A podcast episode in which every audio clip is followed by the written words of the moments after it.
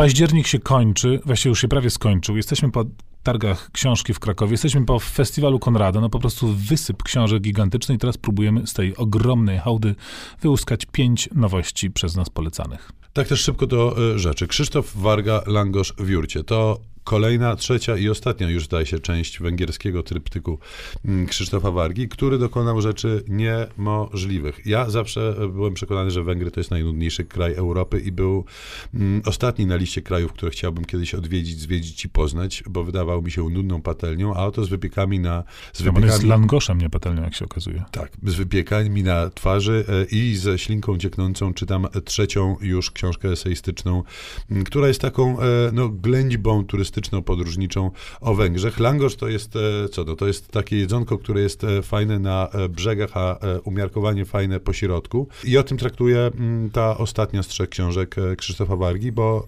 objeżdżamy pogranicza, węgierskie pogranicza. Węgry aż z siedmioma krajami graniczą, więc tam się dużo dzieje w międzyczasie, ale otwarcie tej książki w ogóle jest niesamowicie mocne.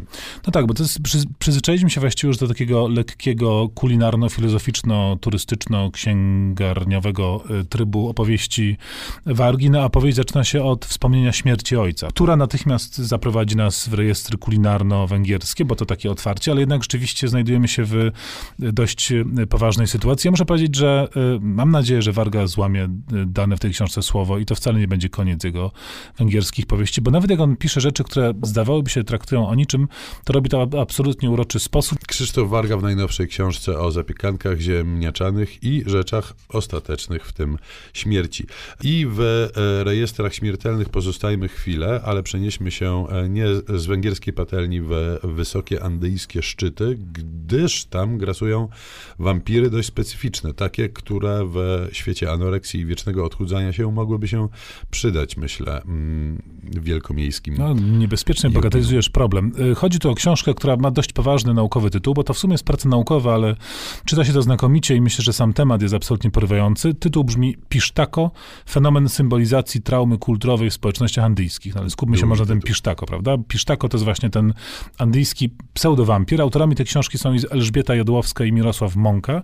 Jest to solidne opracowanie, jak mówię, o charakterze naukowym, które przybliża nam postać Pisztako właśnie. Pisztakos to są takie, no nazwijmy to wampirami, tyle że one się istotnie różnią od naszych wampirów. One odsysają z ludzi mieszkających w Andach tłuszcz, ale nie po to, żeby go spożyć, tylko żeby go wykorzystać do różnych celów. I to, co jest fascynujące, to fakt, że pisztakos mają długą historię takiego właśnie tej obecności w folklorze andyjskim. Natomiast jest to mit wciąż, czy przekonanie wciąż żywe wśród społeczności ale także w miastach e, e, peruwiańskich, czy w ogóle andyjskich. E, wciąż istnieje jednak przekonanie o tym, że pisztakos istnieją. To jest o tyle też fascynujące, że poprzez tą postać owego odsysacza y, tłuszczu, tak naprawdę widzimy pewne przepracowanie właśnie traum społecznych i historycznych. No nie, nie bez kozery Pisztakos wyglądają jak biali ludzie, jak otyli biali ludzie. Często są w habitach mnisich albo w strojach wojskowych. Widać tutaj rzeczywiście ewidentny lęk, no i bardzo zasadny, no bo umówmy się, jeśli chodzi o kontakty białych z Indianami, no to nie ma się, nie było się z czego cieszyć. Jest to znakomita praca pokazująca wciąż żywy fenomen i to, że wampiry w specyficznej formie nie należą jednak tylko do świata baśni czy fantastyki, ale naprawdę są wśród nas. No tyle, że w Peru. Powtórz, jak one się nazywają? Pisztakos. Pisztakos. Pisztakos. E, do Pisztakos już nie wrócimy, ale do nowości książkowych, październikowych za chwilę tak.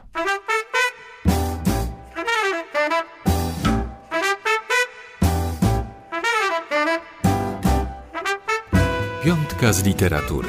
Polecają Szymon Gloszka i Tomasz Pindel. Omawiamy październikowe nowości. Czas teraz na przejażdżkę nieco bliższą niż ta sprzed chwili do Peru. Jedziemy do Londynu, ale w czasie trochę się oddalamy. Piotr Szarota, Londyn 1967. Ja e, sięgnąłem po tę książkę z pewnym e, ociąganiem, gdyż mam wrażenie, że o Londynie, o tym swinging Londynie e, roku 67 przeczytałem już za dużo i za dużo filmów obejrzałem i wiem o nim absolutnie wszystko. Natomiast książka mnie porwała, to 12 miesięcy, które spędzamy w roku 67.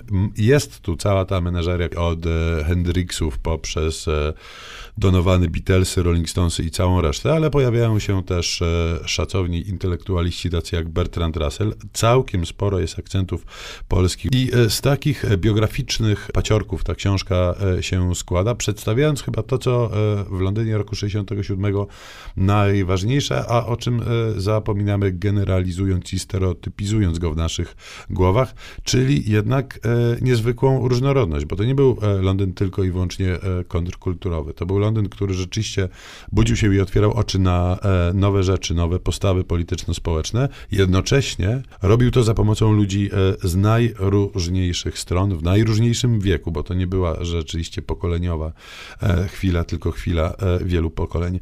Więc myślę, że dla tych, którzy o Londynie 67 roku nie wiedzą wiele, jest to lektura absolutnie obowiązkowa. Natomiast dla tych, którzy wiedzą dużo, mm, czysta, e, czysta przyjemność, rzeczywiście pokazy, pokazująca ten Londyn od troszeczkę innej strony, niż do tego zdążyliśmy przywyknąć. A teraz wracamy do Polski, bo to ukazała się druga powieść Aleksandry Zielińskiej pod tytułem Bura i Szał. O Aleksandrze Zielińskiej mówiliśmy równo rok temu, kiedy to jej przypadek Galicji był jeden, jeden z, z pięciu debiutów. Debiutów, tak, był jeden z pięciu debiutów nominowanych do Nagrody Konrada. E, teraz Zielińska przyszła, powróciła z drugą powieścią i e, trzeba się cieszyć, bo chyba rzeczywiście, jak już jest druga powieść, ona jest dobra, to można powiedzieć, że oto narodził się autor, a konkretnie autorka e, już z całą pewnością. To jest powieść, znaczy widać, że Zielińska rzeczywiście ma ewidentnie smykałkę do szaleńców, bo to jest kolejne studium szaleństwa, Bura, tytułowa postać, y, dziewczyna, która przez większą część powieści y, ma ten głos narratorski, opowiada o swoich losach i doświadczeniach i tak naprawdę jest to pewne, pewne studium szaleństwa właśnie. Skąd ono się wzięło, dowiadujemy się e, w dość dramatycznym i drastycznym finale tej, tej książki, ale tak powoli, powoli wnikamy w dość niesamowity świat tej bohaterki. To wszystko jest e, takie bardzo nasze, bliskie, bo to się dzieje w, w Krakowie i we wsi gdzieś tam podkarpackiej. Takie polskie realia, bez jakby specjalnie wydawałoby się specyficznych dekoracji, a jednak prowadzące w odmęty psychologiczne psychologicznego szaleństwa. Na początku były dwa słowa, po jakimś czasie pojawiło się jedno słowo. Strach pomyśleć, co będzie później. Tak zaczyna się najnowszy tomik Marcina Świetlickiego, który nazywa się Drobna Zmiana.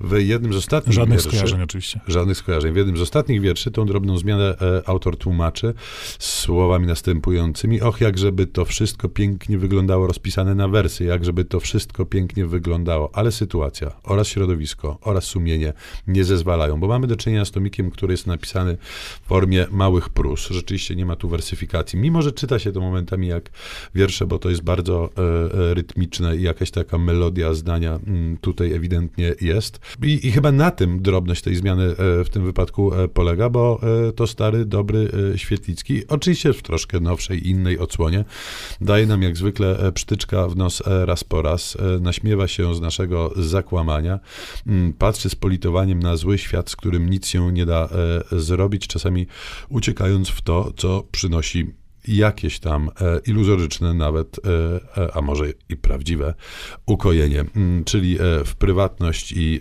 w bliskość do innych. To są wiersze, które nie wiem tak naprawdę, jaki przymiotnik by je najsensowniej odpisał. Są rzeczywiście świetlickie. Świetlickie, tak więc wszyscy, którzy znali i czytali, znać i czytać będą dalej, a ci, którzy nie znają i nie czytają, Niech zaczną. No to kończymy tą liryczną tonacją. Tomasz Pindel i Szymon Kloska.